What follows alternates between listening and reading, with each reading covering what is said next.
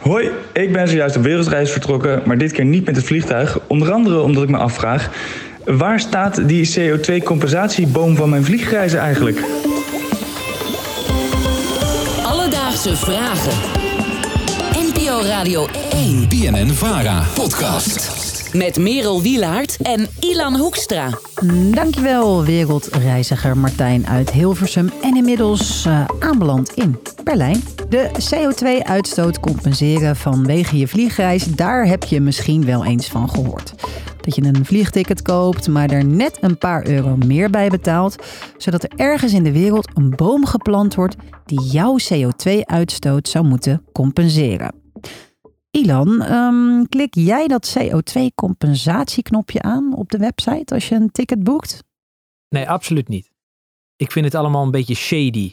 Van de artikelen die ik tot nu toe heb gelezen, denk ik, ik, ik weet het niet. Ik doe het liever zelf. Eigenlijk heb jij gewoon dezelfde vraag als Martijn. Absoluut. Dus ik blijf ook luisteren.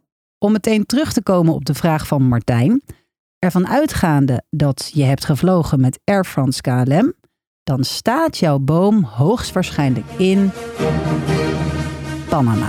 Panama. Wauw. Op hun website, de website van KLM, valt te lezen dat jouw bijdrage direct naar CO2OL Tropical Mix gaat. Oh, klinkt als een cocktail. Ja, inderdaad. En dat project is dus actief in Panama. Air France KLM is op dit moment aangeklaagd door de organisatie Fossielvrij omdat zij het oneens zijn met de duurzaamheidsclaims die het bedrijf doet. Volgens Fossielvrij ondermijnt het bedrijf urgente klimaatmaatregelen door klanten het idee te geven dat ze de milieuschade die vliegen veroorzaakt echt kunnen goedmaken. Nou, er zijn natuurlijk meer bedrijven dan Air France KLM die zich storten op het compenseren van CO2-uitstoot door middel van het planten van bomen. Maar om te weten hoe dat nou precies werkt, heb ik gebeld met Kirsten Sleven van Milieudefensie. Dat houdt eigenlijk in dat er een boom wordt geplant die CO2 vastlegt, die anders in de atmosfeer zou blijven. Lang niet alle bossen zijn blijvend, zegt Kirsten. Terwijl dat wel nodig is als je wil dat die CO2-uitstoot daadwerkelijk een beetje opgenomen wordt. Veel van dit soort aangevulde compensatiebossen staan in gebieden waar door veel hitte bosbrand voor kan komen. Daarnaast is het vaak ook schadelijk voor het inheemse gebied.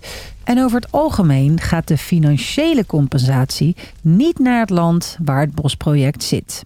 Als je alles bij elkaar zo hoort, wat is dan de grootste zorg van Kirsten en Milieudefensie? Nou, onze grootste zorg zit eigenlijk in de ehm, klimaatclaim die er vanuit gaat. Eh, dus op het moment dat een bedrijf eh, compensatie inzet, ehm, betekent dat dat een bedrijf eh, eigenlijk al aangeeft wij reduceren, dus wij verminderen onze uitstoot niet, maar wij compenseren onze uitstoot. Reduceren is inderdaad niet hetzelfde als compenseren. Ze gebruiken dus eigenlijk het verkeerde woord. Grote bedrijven zoals Shell zijn al eens eerder op de vinger getikt, onder andere door de reclamecodecommissie. De slogan Maak het verschil, reis CO2-neutraal werd door de commissie als misleidend gezien. Wat we zien is dat eh, compensatieclaims eigenlijk te pas en te onpas eh, worden ingezet om eh, ja, toch een duurzaam imago te creëren. Maar ook dat projecten die compensatie aanbieden, juist ook door dit soort ehm, tikken op de vingers, mogelijk ook beter gaan nadenken hoe zij hun projecten inrichten. Alledaagse vragen. Wereldreiziger Martijn kon ik eh, aan het begin vertellen dat zijn compensatieboom uit het verleden waarschijnlijk in Panama staat. Dus ik had een nieuw idee en ik belde hem even op. Met Martijn. Hey Martijn met Merel van Alledaagse Vragen. Hey. Hey, ehm, jij had natuurlijk een vraag gesteld. Jazeker. En toen dacht ik, je bent nu ook op reis. Ik wil toch nog een cadeautje voor je aanschaffen. Dus ik heb via Trees for All twee bomen voor jou gekocht, Martijn. Te gek. Ja, Wat goed. dus je vliegt al niet. Je gaat gewoon eh, ter, ter land, ter zee, niet in de lucht. En ik krijg nog twee bomen. En ik dacht, mocht je nou op bezoek willen, wat je dus bij je vorige boom niet kan... eh, dan heb ik in Ja. dit geval ook nog een adres voor je. Het is een vrij eh, breed gebied, maar je moet waarschijnlijk in Limburg zijn. Nou, dan ga ik eens even kijken of ik een eh, omweggetje via Mexico kan maken. En dan bij terugkomst eens even rustig naar Limburg die vonden. Wat top. Dus Martijn, jouw vorige boom staat waarschijnlijk in Panama, maar voor andere mensen geldt dat er een hoop plekken zijn waar deze bomen kunnen staan. Of de aanleg van bomen echt een positieve impact maakt op jouw CO2-uitstoot, dat is nog helemaal niet zo zeker volgens Milieudefensie.